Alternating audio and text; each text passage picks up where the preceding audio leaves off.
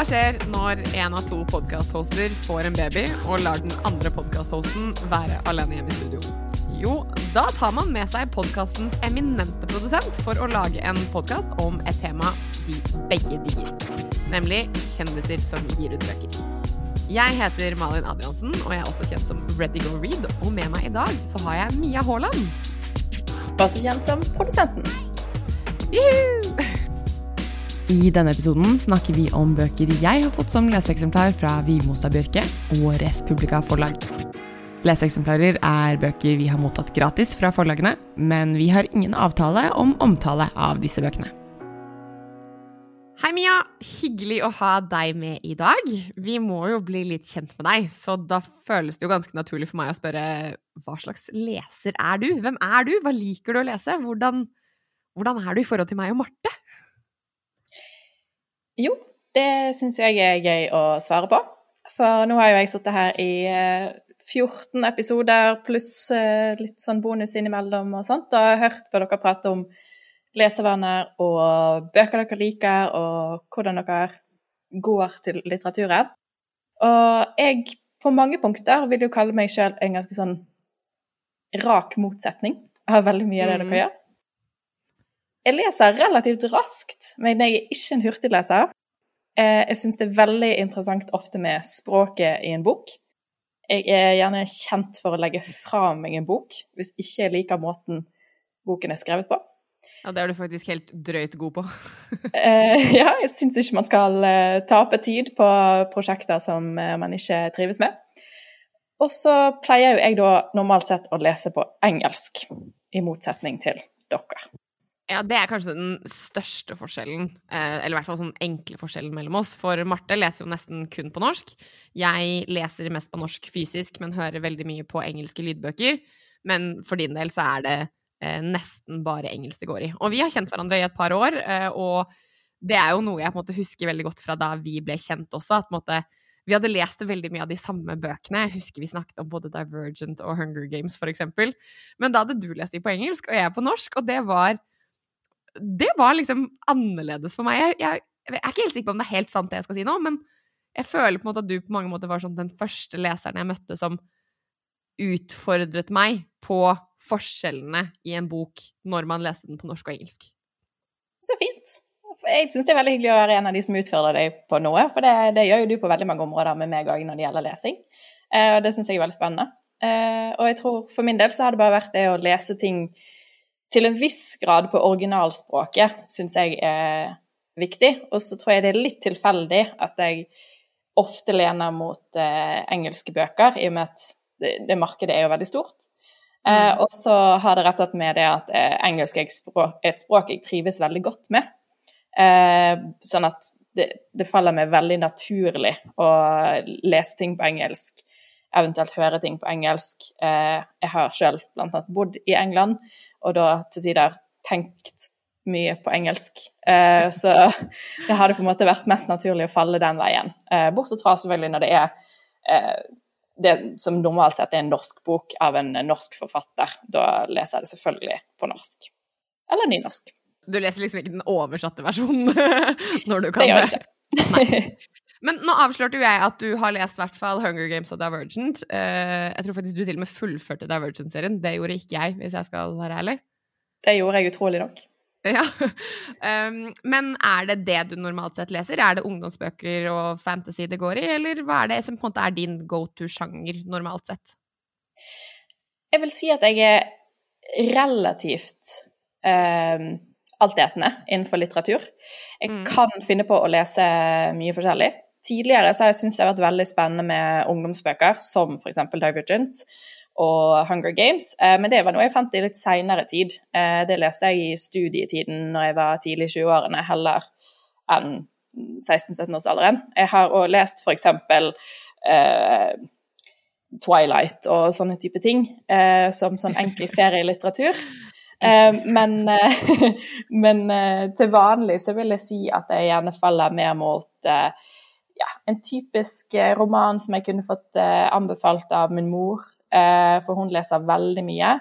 Eh, plukker opp veldig mye bøker som det tipses om bl.a. i denne podkasten. Og så en ting som vi skal lese, snakke en del om i dag, er at jeg leser eh, annet ganske mye biografier. Eh, for det er en sjanger som treffer meg veldig enkelt og greit. Jeg syns det er spennende å lese om andre sitt liv. Eh, og så syns jeg det ofte er en veldig behagelig sjanger eh, å falle inn i. Men eh, det viktigste for meg, som jeg har så vidt nevnt i sted òg, var det at det er på en måte skrivemåten og at eh, måten ting blir beskrevet på er noe som oppfattes som interessant for meg, gjør veldig ofte en, en leseopplevelse, eh, og ikke alltid bare handlingen. Eh, så det, det, strider jo litt imot enkelte ungdomsbøker, men det tilsier også at jeg kanskje ikke likte de så godt, selv om jeg har lest hele serien av ting. ikke sant, ikke sant. Um, jeg og Marte pleier jo i den podkasten å spørre hverandre litt hva vi har lest siden sist. Og nå har vi jo fått en liten oppdatering på, på hva du liker å lese normalt sett. Men hva er, liksom, hva, er det, hva er, den siste boka du leste? Hva har du lest nå den siste tiden som du eh, forhåpentligvis kanskje har likt, da? Ja. Eh, hvis jeg tar liksom brede eh, bredt syn på hva jeg har lest siden sist, ja, så har jeg i de siste månedene eh, begynt å lese Maja Lunde sine bøker som jeg syns er helt nydelig. De har jeg ikke vært innom før. Ja, du tenker på Klimakvartetten? Bienes historie, blå Jeg holdt på å si tenker på alle, men det begynte med, med Klimakvartetten.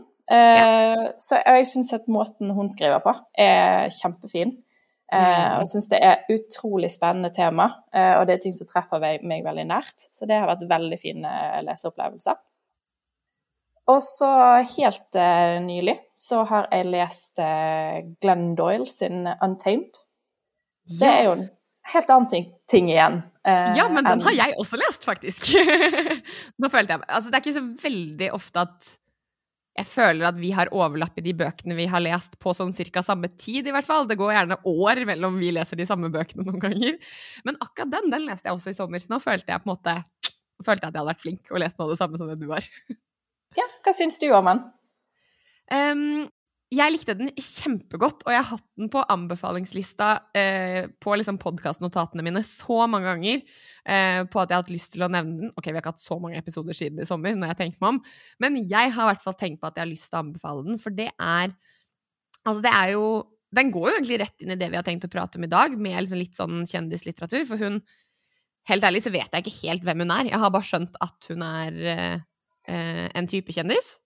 Hun er vel kjent i miljøer som ikke helt er våre. Det er vel mye kristenmiljø i USA som ikke helt er vårt type kjendismiljø, men kjent absolutt i, i den, innenfor hennes segment. Hun er kjent for det hun er kjent for, eh, men ja. da ikke så kjent for meg. Eh, men hun skriver jo da er det, Kan man kalle det en selvbiografi, eller er det En memoar er vel kanskje egentlig Riktig. Ja, memoar er vel kanskje det som er korrekt. Ja. Hun skriver jo da om sitt liv, eh, sitt kjærlighetsliv, sitt eh, forhold til det å gå fra å være gift med en mann til å deretter bli gift med en kvinne, eh, og det familielivet de skaper seg, og, hennes både utfordringer og gleder ved de problematikkene hun møter, og det, det livet gir henne. Og jeg syns det var en utrolig interessant bok å høre, fordi den tok opp så mange temaer som på en måte engasjerte meg. Eh, og så er det så veldig morsomt, fordi man kjenner jo gjennom hele boka at, at hun er kjent for noe. Men når jeg på en måte egentlig ikke vet hva hun er kjent for, så påvirker det også på en måte hvordan jeg leste slash hørte eh, hennes historie. For det er liksom sånn Innimellom så følte jeg at det var veldig detaljer som hun bare antok at folk visste, som jeg da ikke visste. Men alt i alt så var det en skikkelig god leseopplevelse. En bok jeg definitivt anbefaler andre å lese, eller høre som jeg gjorde, for den var veldig bra lest inn, syns jeg, da.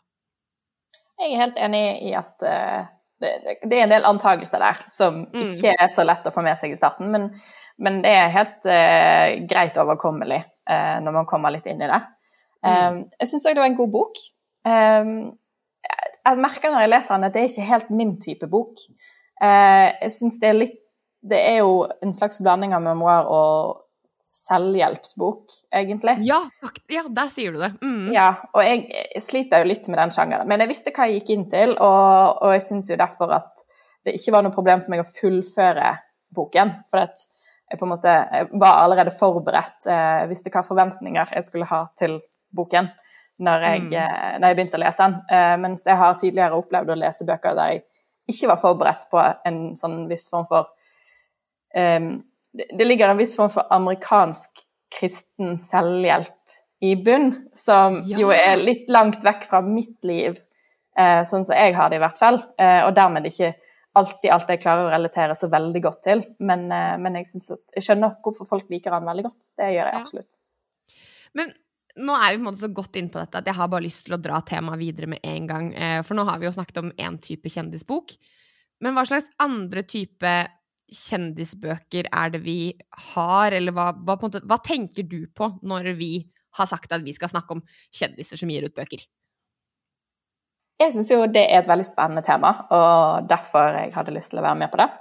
Ja. Fordi at, eh, som sagt, jeg leser ganske mye biografier, så det første jeg går til, er jo på en måte de kjendisbiografiene jeg har lest. Snakker vi da liksom Oprah, Obama eh, Nå kommer jeg plutselig ikke på noen andre kjendiser enn Oprah og Obama.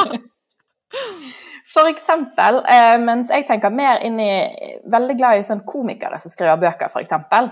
Så jeg går rett inn i for eksempel Mindy Kaling, eh, Amy Poehler, eh, som du nevnte sist, eh, Bossy Pants av Tina Fey, Jim Mhm. Gaffigan. Det er sånne utrolig morsomme bøker av folk som er genuint morsomme mennesker, der du òg får lære noe interessant om livet deres på en god måte.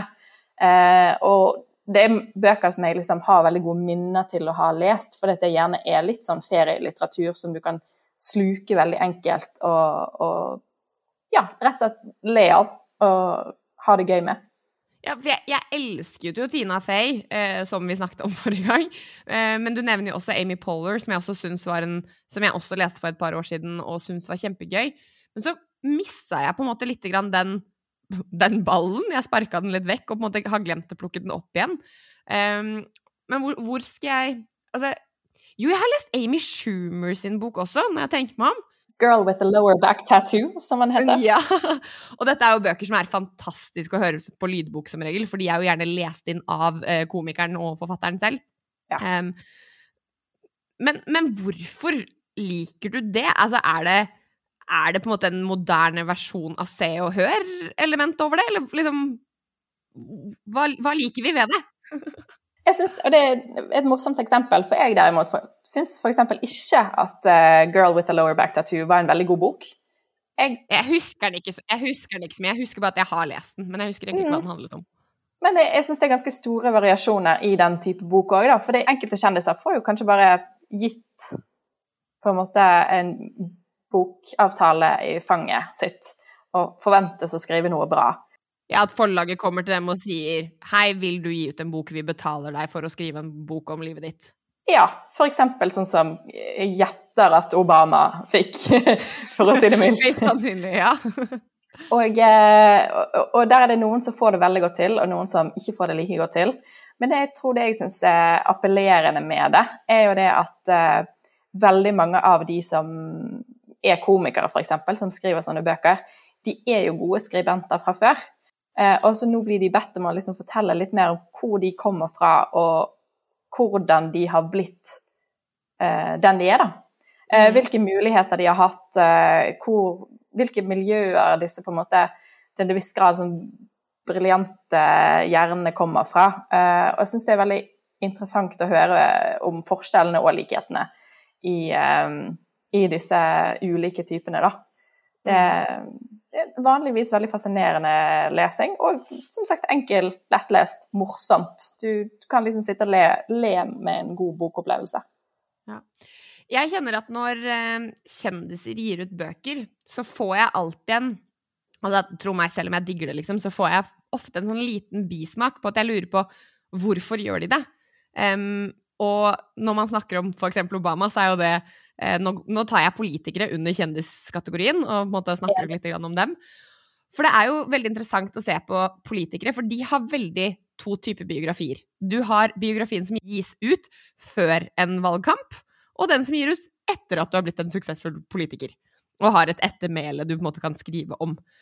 Og det, og det, det gjør jo på en måte at man alltid tenker litt sånn hm, hva er motivasjonen til å skrive denne boka? Er det for å tjene penger? Er det for oppmerksomhet? Eller er det for Eller fordi du faktisk genuint har en historie du har lyst til å fortelle, og håpe at andre kan lære av? Og du har jo nesten en tredje der òg, som er de som tapte valgkampen. For eksempel Hillary Rodham Clinton. Ja, ikke sant? Der, der, det, det, er en bok jeg har lest, f.eks., som jeg syns er god. Hun har jo skrevet mange bøker og skal jo faktisk komme, nå komme ut med en fiksjonsbok. En thriller, av alle ting. What? Ja. Men uh, den boken hun ga ut etter um, sist valg, der tror jeg nok det var en del penger på bordet for å få høre hennes side av historien på hvordan det var å drive valgkamp mot Donald Trump. Det tror jeg. Ja. Det, men det ser man jo på en måte mye på Nå har vi snakket mye om de engelske og utenlandske Engelske og utenlandsk er vel det samme, når jeg tenker meg om. Eh, men nå har vi på en måte snakket en del om de engelske bøkene, for det er de du leser.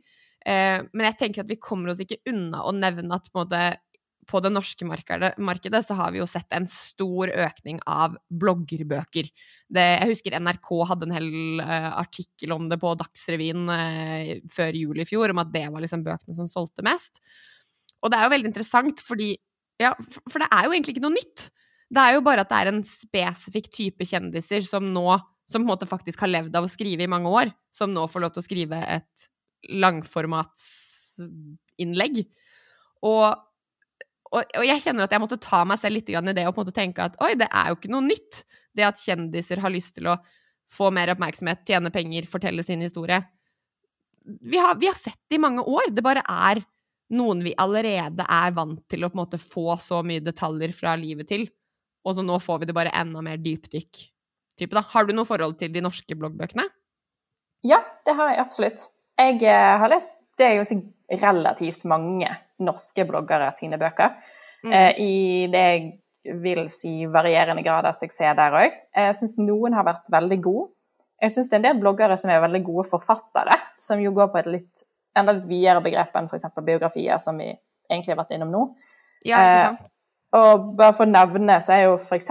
Linnea Myhre en av de forfatterne jeg setter veldig høyt. Syns hun er kjempeflink, og jeg syns de romanene hun har skrevet, som jo helt klart er fiksjon med en basis i virkelighet, sånn som Marte nevnte forrige uke, er mm. helt fantastiske bøker, egentlig. Eh, og så har jeg lest en del eh, av de mer tradisjonelle biografiske bloggerbøkene som noen jeg har likt veldig godt, andre er mer sånn har lest fordi det var interessant å se hva de hadde å si. Ja. Altså, jeg hadde, jo et, jeg hadde jo på et tidspunkt et mål om å lese aller, alle bloggbøkene som kom, for jeg hadde så lyst til å være oppdatert på det. Det var vel liksom 2015-2016. Men Hvordan gikk det? Tidspunkt, ja, altså, det gikk bra eh, i 2015 og 2016. Eh, da holdt jeg meg ganske oppdatert, og så falt jeg totalt av lasset, fordi da bare det må ha vært sånn 2018-type. Da bare eksploderte det i antall ja. bloggerutgivelser, hvis man kan kalle det det. Definitivt. Men hvilke Hvis du har lest mange, som du jo har, og jeg vet at vi har lest en del av de samme, hvilke ja. skiller seg ut? Er det noen du liker bedre enn andre, f.eks.? Um, det er, altså sånn, det er vanskelig å si, for det var noen av bøkene jeg likte godt når jeg leste dem, og så på en måte har de blitt litt mer problematiske i ettertid, at jeg liksom jeg ble litt usikker på de. Um, men jeg husker at jeg leste for eksempel Forbildet av Sophie Elise, og likte den godt. Altså, det syns jeg var en, uh, en, bok jeg kunne stå inne for og anbefale uh, besteforeldre å kjøpe til barnebarna sine, fordi det var veldig mange barnebarn som ønsket seg den til jul av besteforeldre da jeg jobbet i bokhandelen når den kom. og det følte jeg at det var en bok jeg på en måte kunne si ja, dette er en, dette, dette er en bok du kan lese. Um, men så har du jo den motsatte siden, med for eksempel Anna Rasmussen sine bøker, eh, 'Naken og bare Anna', hvor jeg sto og på en måte faktisk hadde lyst til å si til, til de som var innom butikken, ikke kjøp denne boka. Den er både, det er både historier som jeg på en måte ikke vil at dere skal lese, eh, men det er også bare kjempedårlig skrevet ut fra hvordan jeg oppfattet det. Eh, men jeg kjenner jo at de bloggbøkene jeg måte liker, det er jo de som forteller meg noe jeg ikke visste fra før av. eller de som, de som faktisk føles som de har en historie å fortelle. Eh, og der er det jo altså, sånn, Jeg kan ikke si om jeg likte den eller ikke, jeg er veldig nøytral, men Isabel Rad sin, for eksempel um, Skulle nevnt den sjøl. Ja, altså hun har jo en historie som er verdt å høre. Hun har opplevd noe som Mm. ikke vi alle andre har opplevd og har et forhold til. Og det er jo en historie jeg setter pris på at kommer på markedet. Eh, men om jeg på en måte likte den Den var nok ikke full pott hos meg. Det, det var den ikke. Nei, og det syns jeg er litt interessant òg, for hun har jo på en måte ikke skrevet boken sin sjøl. Det Nei. er jo en bok som er skrevet av en ghostwriter. Og det er jo et litt sånn spennende fenomen i seg sjøl, syns jeg. Ja, for hva, hva, Eh, hva er en ghostwriter, Mia? Nå må du være litt sånn forklare Nå må du late som du er ekspert og, for, og forklare oss det. Nå skal jeg være eksperten, ekspertprodusenten. Eh, Ja. Det er jo rett og slett en forfatter som leies inn eh, for å skrive på vegne av en annen som forteller sin historie. Ja. Eh, så det betyr vel egentlig det i, sånn, i bunn og grunn at ikke det er Isabel Rad som selv har på en måte ført boken i pennen, eh, men heller sittet med en person som har hørt på historiene og vært med på å forme hvordan boken eh, blir til slutt, eh, mens noen andre har fysisk skrevet ordene. Ja. Og da eh, stiller jeg meg alltid litt spørsmålet når jeg da syns at enkelte ting i boken kanskje ikke burde vært sånn, eller om oppbygging kanskje kunne vært gjort litt med, eller om språket skulle vært litt annerledes, så er det alltid litt sånn spennende vurdering på om det er hensyn som er tatt eh, til avsender av historien, eller om Mm. det er noe som har kommet fra den som faktisk har eh, skrevet ordene. Det, det kan jo ikke jeg si noe om. Så Nei. Ja. Mm. Jeg- har bare lyst til å nevne en litt sånn ting som, veldig, som har vært mye diskutert om ghostwritere, spesielt i England. Eh, og det er jo dette med at ghostwriter blir ofte brukt når det ikke er Når det ikke blir på en måte allmenninformert om at det er en annen person enn personen som har skrevet boka. Eh, fordi man ser jo veldig ofte biografier som er om eh, Åge Aleksandersen, som er skrevet Ja. av Og da står det veldig tydelig på coveret at denne boken er skrevet av noen andre. Um, Absolutt. Altså, Ingvar Kollon har jo skrevet boken om Sonja, liksom. Det er ikke Sonja som, dronning Sonja som har skrevet boken om seg selv. Uh, men ghostwritere bruker mer når man på en måte prøver å kam kamuflere det som at det er ja, hovedpersonen Mm. som har skrevet boka, da. Uh, og da. Og da kommer jo på en måte disse tingene som du her nå nevner, at når man da ikke liker det, er det fordi man på en måte prøver å kamuflere det enda mer, og på en måte få det til å virke som det er ja, Isabel da, som Mm. har skrevet boken sin selv. Spesielt når det er en så nær eh, og personlig historie eh, fortalt på den måten det er. For det handler jo om eh, hennes oppvekst, og at den har vært tøff. Eh, og om diverse både voldshendelser og eh, til en viss grad overgrep, eh, både på en måte på hun sjøl, men òg på andre familiemedlemmer, som gjør at det er jo en utrolig nær bok, som på en måte til en viss grad ville vært veldig rar om man skulle kommet fra et helt utenfra-perspektiv eh, som en, en objektiv fortelling. Eh, så det er jo veldig forståelig at man kanskje har tatt enkelte valg for å eh, få fram nærheten i historien, da. Ikke sant. Det, det bringer meg jo over på en, på en av høstens bøker også, og det er jo Sofie Nilsen sin 'Alt jeg ikke har fortalt deg'. Eh, den har jeg ikke fått lest ennå. Jeg, jeg har faktisk lyst til å få lest den, eh, også fordi hun har også opplevd mye som normalpersonen ikke har gjort. Hun var på Utøya 22. juli, for eksempel. Jeg vet ikke om hun snakker mye om det i boka, men det er på en måte bare ting som gjør at jeg får litt mer sånn ah, dette er en eh, dette er en kjendishistorie verdt å lese, dette er en kjendishistorie verdt å fortelle. Fordi alle gode bøker må ha et poeng. Og det er det jeg ofte er redd for i noen av kjendisbøkene. At, at man bare gir det ut for oppmerksomhetens skyld, og ikke fordi man faktisk har en historie man har lyst til å formidle. Enig. Og jeg syns det har veldig mye å si på hva som eventuelt gjør at jeg gleder meg til en bok, eller Mm. ikke. Er hva forventninger jeg har til hva historien egentlig blir. Og det har jo litt med, vil jeg si, rett og slett bare ut, formuleringen av eh, tittel og coverbildet å gjøre. Og spesielt da på biografier. For jeg, Ja. der, der syns jeg igjen eh, Isabel Rad sin ga et veldig tydelig bilde eh, med en gang på hva dette skulle være, i og med at han bruker sitt fødenavn som tittel på boken. Eh, coveret er vel eh, både et barnebilde og et voksenbilde av hun sjøl. Eh, veldig klart og tydelig at nå skal du få høre på en måte en barndomshistorie og hvordan hun er blitt sånn som hun er. Eh, mens Sofie Nilsen sin bok. Nå husker jeg ikke hva tittel hun har valgt til boken sin, men der er jo Alt i jeg hvert fall ikke har fortalt deg. Ja. Mm. Og da, da lurer jeg allerede litt på hvem Er det meg hun snakker til, eller er det en, en person hun snakker til som, i, i livet hennes? Mm. Eh, og så syns jeg òg at coveret der har gjort at det ikke gir meg noe mer informasjon om måte, hva type bok det er. Så det gjør meg faktisk litt mer skeptisk, fordi at jeg ikke helt klarer å lese hvor hun vil eh, med historien sin, da. Det er et veldig godt poeng. Jeg, eh, jeg, altså, hun sitter jo på en hesterygg på coveret sitt, og jeg kjenner på en måte nok til henne til å vite at hun er en hestejente og har på en måte vokst opp eh, mye blant dyr og sånn, så jeg, jeg skjønner at det er logisk. Men, men jeg, jeg fikk også litt sånn der Putin på hesteryggen-følelse når, når jeg så det.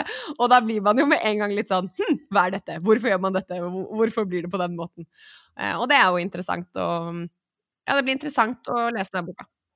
Jeg tenker med det coveret der at eh, det virker veldig mm, Hvis det er lov å si litt sånn glamorøst ut. Eh, Ja. at, at liksom Det virker liksom ikke helt som vi skal ned i sånn the nitty-gritty og få vite og få høre om triste detaljer når man ser det coveret. Selv om at jeg tror at det er det hun har til en viss grad skrevet om. For jeg vet Mm. ganske sikkert at hun har skrevet om bl.a. Utøya, og at hun har mistet sin far og litt sånn diverse ting. Eh, så virker det litt mer, bare, bare fra coveret, som om at hun har skrevet om hvordan det var å slå opp med ekskjæresten fra Paradise Hotel, på en måte. Ikke sant. Eh, og, da, og da er det jo det som er på en måte det ekstra interessante med disse bøkene, er jo at vi leser dem jo for å tilfredsstille en nysgjerrighet vi har om Definitivt. disse personene. Eh, det tror jeg gjelder alle, alle sånne her typer bøker man leser. Det er Jeg tror ikke man leser en eneste biografi bare fordi man liker språket og, og liksom selve formidlingen. Man må ha en interesse i det man leser om også. Ga det mening? Absolutt. Det gjorde det, og jeg, jeg er helt enig at, eh, at det er en grunn til at kjendislitteratur, hvis man tar det som et begrep, er en greie. Det er jo en grunn til at folk vil høre fra kjendiser. Det er fordi vi allerede har fått en viss form for smakebit på livet deres og er interessert i å høre mer. Og det tror jeg man kan ta til de fleste bøker. F.eks. en av de som kommer nå til høsten, er jo eh, Espen Nakstad som har skrevet bok. Det Ja, er jo noe som blir litt interessant i seg sjøl, for nå føler alle at de har sett Nakstad hver eneste dag, at han er en del av livene våre. Han sitter der på TV-en hver dag og oppdaterer oss om hvordan det går, og han, han har jo dukket opp i både masse radio og TV og podkaster de siste halvannet året, fra å være en fyr som ingen omtrent ingen hadde hørt om fra før, til å være et eh, på en måte årets navn, omtrent. Han ble vel det òg? Det kan godt være han ble det òg. Og nå tror jeg alle er veldig interessert i hva er det egentlig han har skrevet om i boken sin, selv om jeg tror han heter, boken heter Kode rød. Eh, Ja, og det høres jo ikke helt ut som noe som jeg nødvendigvis har lyst til å lese etter ett og et halvt år med pandemi, for å være helt ærlig. Nei, da føler jeg liksom at vi kommer til å få en recap av pandemien, og det er kanskje ikke det jeg egentlig er interessert i å vite mer om fra hans perspektiv. Da vil jeg jo vite mer om hvem han er. Mm, så tror jeg kanskje mange da leser han med det håpet om at kanskje du da får høre om at eh, han satt i joggebuksen med frokostbordet og fikk høre om koronavirus. Altså et eller annet. Ja, bare for å høre litt alarmen gikk. Ja. Ja, et eller annet sånt. Sant? Det, det kommer jo definitivt til å bli en bestselger. Det er vel 100% spådd fra alle kanter allerede, vil jeg tro. Eh, og det er, jo, det er jo den kjendisfaktoren som gjør at når vi får en liten smakebit av Espen, og vi har lyst til å vite mer. Mm. Men du har eh, en kjendisforfatter som jeg vet at du liker veldig godt. Eh, og da går vi totalt vekk fra Espen Nakstad og norske bloggere. Eh, for jeg har veldig gjerne lyst til å vite litt om da, hvem denne personen er. Eh, og hvordan du ble så glad i måte, bøkene hennes. Og er det noe som har kommet på en måte, natur? Er det noe du har funnet på egen hånd, eller ikke? Først og fremst, fortell oss, hvem er det jeg snakker om nå? Ja, min eh, på mange måter favorittforfatter, eh, og da spesielt innenfor denne sjangeren som ligger på sakprosa, som vi snakket om forrige uke, er jo rett og slett Patti Smith. Mm. Hun har jo skrevet eh, tre eh, fantastiske, eh, syns jeg, memoarer eh, i løpet av de siste ja, snart ti årene. Eh, der den første jo er en bok som de fleste har hørt om, for det ble jo en utrolig stor eh, hit, eh, altså Just Kids. Um, og Patti Smith er jo en fantastisk flott dame som gjør helt utrolige ting. Uh, hun er jo lyriker og poet. Uh, gjort veldig mye til musikk, uh, som gjør at hun har, er jo Grammy-vinnende og står på de store scenene rundt om hele verden og har gjort det hele halve livet.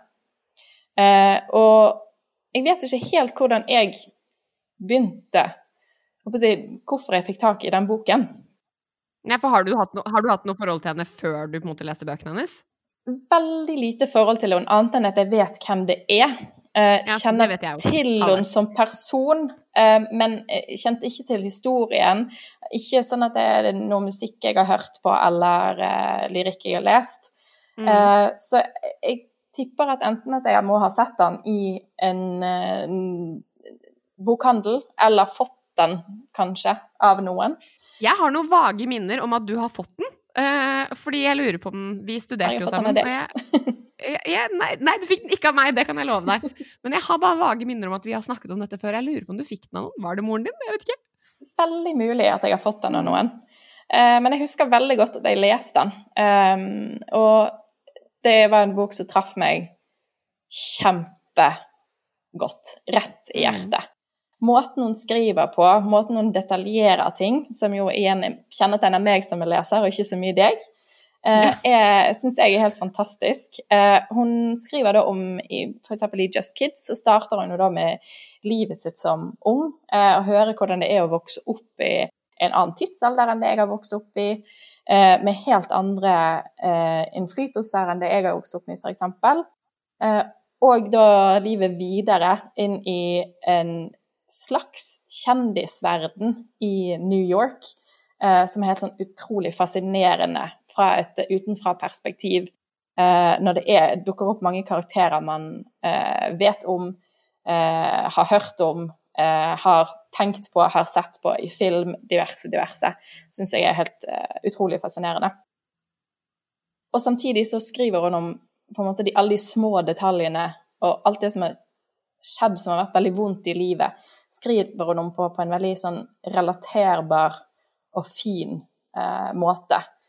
Eh, en av tingene hun skriver om som nesten sånn gjennomgående tema i alle bøkene, er hvordan hun eh, trives veldig godt med å være alene, blant annet.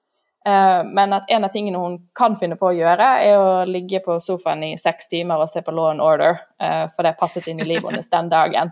Men det er sånn fascinerende med en sånn person som man gjerne ser på som ganske høykulturell og eh, veldig sånn inne i noe og eh, som en sånn veldig ja, poetisk eh, fancy person har på en måte plutselig brukt en hel dag, eller gjerne i hennes tilfelle mange dager, på å se på mm. noe så popkulturert som uh, Law and Order. Uh, og det er ja, veldig fascinerende. Det er så gøy nå å på en måte ha snakket med deg i nesten en halvtime om på en måte, kjendiser og på en måte, hvorfor vi snoker på livet deres, og så på en måte konkluderer vi her nå med at en av de bøkene du egentlig liker best innenfor denne sjangeren, det er egentlig en kjendis du ikke har noe forhold til i det hele tatt. Mm. Uh, jeg føler at det er bare litt sånn circle of life som ikke er en sirkel i det hele tatt. uh, men det gjør jo på en måte Det viser jo på en måte hvor bred den Både sakprosasjangeren, den er jo helt insane bred, og så kan vi begynne å snevre den til liksom Biografisjangeren er ganske bred, du, du har så mye forskjellige typer ting innenfor, og når du da også snevrer den ned til liksom kjendisbiten, så har du også en så stor variasjon og forskjellige typer litteratur du kan forholde deg til. Og det, det er jo det som er så sinnssykt bra og fascinerende her, at eh, ja, jeg mister mål og mening her. Absolutt. Det er nesten sånn at jeg syns at i bokhandelen så burde kjendislitteratur være en egen sånn subsection som man finner bøker i med en gang. Ikke bare under sakprosa eller under roman eller sånn. Sant? Om vi bare kunne underdelt alt, så hadde det vært veldig gøy å se hva man får ut av det. Altså, jeg tror at uh, jeg og Marte og du snart burde designe vår egen bokhandel. Altså Jeg sier ikke at vi, skal la, at vi skal bygge en bokhandel, men at vi kunne satt opp en bokhandel på hvordan hadde vi fordelt inn hyllene hvis vi hadde bestemt selv. For jeg føler at vi nevner dette så ofte med på en måte Å, den boka står der, men kunne stått der, og alt mulig. Og det er jo selvfølgelig en yrkesskade hos oss som har jobbet i bokhandel i mange år. Men du som ikke har jobbet i bokhandel, du snakker jo også om dette at på en måte Nå kom du inn på det, du òg, så kanskje det er en sånn derre boksnakkoppgave vi må lage. Sånn design din bokhandel. ja. Jeg syns vi burde det, og så kan vi selge den til de som vil ha den. Ja. Eh, selge til høystbydende. Helst veldig mye penger for det, takk. Mm. Men eh, for å nevne litt flere bøker, siden ja. eh, vi først er her for å snakke om bøker innenfor kjendissjangeren, så setter jeg jo som sagt Patti Smith veldig høyt. Ikke bare Just Kids, men de to andre jeg har lest, er jo de som har kommet i ettertid, med M-Train og Year of the Monkey. Um, mm. Så finnes det jo andre som kjendisbøker som går i ja, helt forskjellige retninger. Og en av de andre bøkene som jeg liker utrolig godt, som ikke helt faller inn under noe av det vi har snakket om enda, det er Aziz Ansari sin uh, Modern Romance. Ok, det er ukjent for meg. Ja, han er jo en uh, fyr som man gjerne tenker går inn under komedie. For uh, Aziz Ansari han er jo en standup-komiker. Vært med i mange serier, f.eks. Parks and Recreation er det gjerne mange som kjenner han fra. Mm, mm. Der han spiller Tom. Eh, I tillegg så har han jo masse egne serier, sånn som Master of None, som er en kjempegod serie eh, på Netflix. Eh, kan mm. anbefales når vi først er inne i anbefalingens ånd. Eh, men Modern Romance det er rett og slett en sakprosabok som går mer inn under forskning, rett og slett. Forskning på kjærlighet og hva det er å leve på en måte i en viss form for datingkultur i et moderne liv. What? Og det er en bok som ikke er eh, helt ny. Den kom ut i 2016. Eh, og jeg hørte den eh, på lydbok, lest av Aziz Ansari sjøl. Og det syns jeg var en helt spesiell opplevelse, fordi at måten han leser det på, var, er jo bare kjempebra og interessant. Mm. Eh, og det var så spennende å høre på en måte eh, noe helt annet enn det jeg hadde forventet fra en komiker som har skrevet en sakprosabok. For jeg hadde jo forventet noe mer av det vi allerede har pratet om, som en eh, slags eh, Input i kjendislivet, ja. Ja. Eh, rett og slett en slags biografi, eller i hvert fall om den type ting, da. Mm. Eh, men så kommer han med noe helt annet, som er rett og slett en Der han undersøker forsker på på en måte eh, romanse i, den, i, det moderne liv, da. Eh, og går tilbake til um, ja, for det, det, går mer under på populærvitenskapen? Eh, absolutt. Det, liksom, ja, mm. det, er, det, er, forskning, det er sosiologisk forskning på dating og romanse.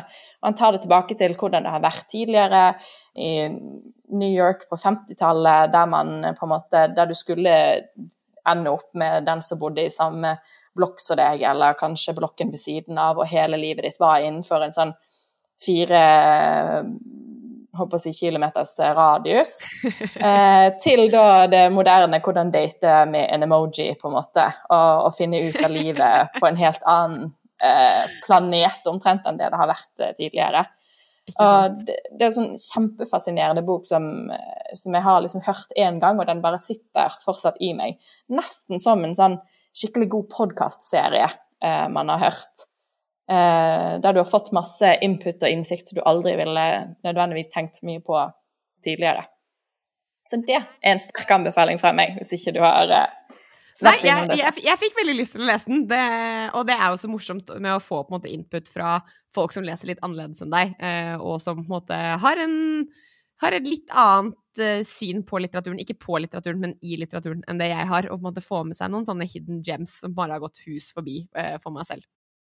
Og nå har vi jo definitivt i hvert fall vi hatt det gøy med å snakke om kjendiser og kjendislitteratur. og jeg kjenner at jeg har fått noen tanker selv også om at Noen åpenbaring om at kjendisbøker ikke bare er kjendisbøker. Eh, men vi må jo ta et lite blikk fremover også, og jeg skal ærlig si at akkurat nå så er det liksom ikke nødvendigvis kjendisbøker som står på radaren min. Eller jo, egentlig, fordi um, Anja Bakke Riise, hun er jo på mange måter Eller jeg kjenner jo henne fra mediebildet. Hun er eh, leder av Framtiden i våre hender. og hun har nå kommet med boken Mitt klimaregnskap, som er en bok hvor hun eh, rett og slett har på en måte regna ut sitt eget klimautslipp, og på en måte sett på hvordan vår vanlige hverdag påvirker eh, klima og miljø. Og den gleder jeg meg veldig til å få lest. Jeg tror den Jeg håper og tror at den kommer til å være et godt bidrag til måte klimalitteraturen, og kanskje gi oss noen gode virkemidler på hvordan vi i det daglige kan leve litt mer miljøvennlig. Mm. Og det var litt morsomt egentlig å tenke på at det er jo også litt sånn, nesten litt sånn kjendisbok, bare igjen måte, mer sånn spesifikt sakprosatema. Men, eh, men ja, jeg kjenner jo henne Jeg kjenner jo ikke henne som forfatter, jeg kjenner henne jo som noe annet. Så det, det funker jo. Det er jo gøy. Hva med deg? Har du noen bøker du gleder deg til fremover? Eh, ja, det kan jeg jo si jeg har. Eh, jeg begynte på en bok i går, som igjen ikke er ny, men jeg eh, plukker opp tips fra her og der, og har nettopp begynt å lese rett og slett Gul bok av eh, Seshan Shaka. Å, da har du mye å glede deg til. Det, det har jeg skjønt fra veldig mange. Det er definitivt et, et tips jeg har fått fra de, mange andre lesere, og fra denne podkasten her, eh, Mm. som har gjort at den har stått på listen min ganske lenge. Så jeg er spent på hva den har å by på for min del. Eh, også i tillegg, så apropos kjendiser, så har jeg vært veldig glad i Linn Skåber sine bøker. Eh, og Åh. der er det jo kommet eh, ny til oss, som kom nå i 2021, som jeg ikke har lest ennå. Og det eh, er noe jeg virkelig gleder meg til. Det er nesten en sånn bok som jeg må planlegge litt når jeg skal lese for å få den fulle opplevelsen. Ja, for den har man lyst til å lese når man har på måte tid til å ta inn illustrasjonene fra Lisa Asato også, og på en måte har rom til å føle på det Linn Skåber formidler. For det, de, altså, hvis ikke man har lest til ungdommen og til de voksne, just do it. Det er så vakre bøker å både eie og gi bort. De er helt fantastiske, og jeg kan stille meg 100% bak det derre 'jeg gleder meg til den nye boka til oss'. Ja, definitivt gode gavebøker, som du sa. Det er ting jeg har ønsket meg sjøl i gave og fått, men, eh, men noe jeg ville anbefalt å gi til alle, enten det er ungdom eller voksne. For det er en noen skikkelig fin ting å få hvis ikke man har tenkt på det sjøl. Jeg har lyst til å nevne en siste bok jeg gleder meg til, fordi eh, jeg føler at jeg nesten begynner å få sånn ungdomsbokabstinenser. Jeg føler at jeg har snakket så lite om det og jeg føler at jeg har lest så lite av det. Og, ja, nå har det jo vært um, mye fokus på at det er Marte som leser ungdomsbøkene, så Ja, nå er det på tide at du tar igjen. nå må vi liksom hente tilbake Nå må vi gå right back on track. Og jeg syns det er mye gode ungdomsbøker på høstlisten i år. Men en forfatter jeg har blitt veldig glad i, eh, mye faktisk på grunn av sosiale medier, og som jeg har blitt kjent med via sosiale medier, det er Sanne Mathisen. Og hun har nå kommet med boka 'Øya synker sakte'. Og jeg har sett at folk har begynt å lese den litt. Jeg opp en, det kommer opp en anbefaling her og der på Instagram, og jeg kjenner at dette er en bok jeg gleder meg veldig til å få lest. Altså, Sanne er en virkelig unik forfatterstemme. Hun skriver på en helt annen måte enn alle andre forfattere jeg kjenner gjør. Det er noe lyrisk og ja, diktaktig overfor på en måte hennes lengre tekster. Og så har hun et veldig sånn spesielt blikk på historiene. Så jeg, bare, jeg er veldig spent på hva hun har funnet på i denne boka her. For den, det hører jo riktig som at den nesten er litt sånn dystopilignende, selv om det er en ungdomsroman. Så jeg, jeg, jeg har liksom ikke turt nesten å gjøre research på hva den boken her handler om, fordi jeg, fordi jeg både gleder meg sånn til å bli overraska over hva Sanne har klart å få til nå. Eh, og hun har jo skrevet en del andre bøker, blant annet En ord som slutter på skap. Og jeg bare slenger med den også som en liten sånn annerledes anbefaling. Um, Sanne er definitivt verdt å sjekke ut, altså. Det Punktum. Jeg synes det er en veldig spennende anbefaling, må jeg Ja. Jeg gleder meg til å høre om du liker den like godt etter du har lest den. ja, det, det blir nok nevnt her. Jeg håper i hvert fall det. Snart må vi ha en sånn ungdomsbokbonanza, tenker jeg. Det tror jeg òg vi trenger. ja. Eh, Hvis jeg får lov, Malin, så vil jeg veldig gjerne komme med en eh, siste anbefaling både, fra meg og som kjendisanbefaling. Eh, og det er rett og slett eh, Else Kåss Furuseth sin 'Else går til psykolog'. ja. Det er Mm. en av de beste bøkene jeg har eh, lest. Det var den boken jeg ga bort på Ready Go Read sin uh, lille julegavebonanza i eh, Ready, fjor. go, give! ja. Og uh, det er rett og slett fordi det er en bok jeg både tror og syns at veldig mange burde lese. Eh, Mm. Else er jo en veldig offentlig person, og en kjendis som kanskje mange føler de kjenner veldig godt. Eh, Som er veldig flink til å være åpen om sitt liv og eh, utfordringene hun har støtt på. Eh, men i boken så syns jeg vi får et helt sånn unikt innblikk, eh, fordi at det er rett og slett en bok om dialogen hun har når hun går til sin psykolog. Ja. Og en av grunnene til at jeg syns det er en veldig viktig bok å ta opp, spesielt i dag, fordi at i dag er det verdensdagen for eh, selvmordsforebygging. Mm. Og eh, det er jo et av de store temaene som Else tar opp i sin bok, der hun rett og slett mistet sin eh, bror til selvmord. Mm. Eh, som gjør at boken blir veldig nær og personlig og rørende, eh, samtidig som at den er skrevet på en utrolig fin måte som gjør at du føler du får lov til å være en, en flue på veggen eh, i psykologtimer. Og for meg som aldri hadde gått til psykolog før jeg leste den boken, syns jeg det var veldig interessant å få høre litt om hvordan en sånn psykologtime eller en periode i samtale med psykolog eh, kan være. Eh, og det var veldig både lærerikt og interessant å få med. Så det er en sterk anbefaling. Mm, jeg stiller meg 100% bak den anmeldelsen også, eller anbefalingen.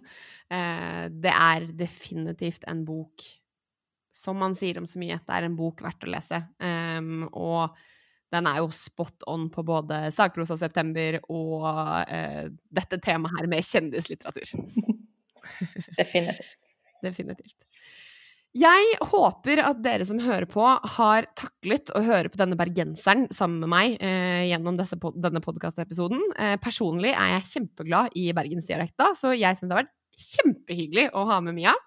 Eh, det er jo litt morsomt når eh, produsenten får lov til å steppe opp til de store jentenes rekker og holde podkast eh, sammen med oss.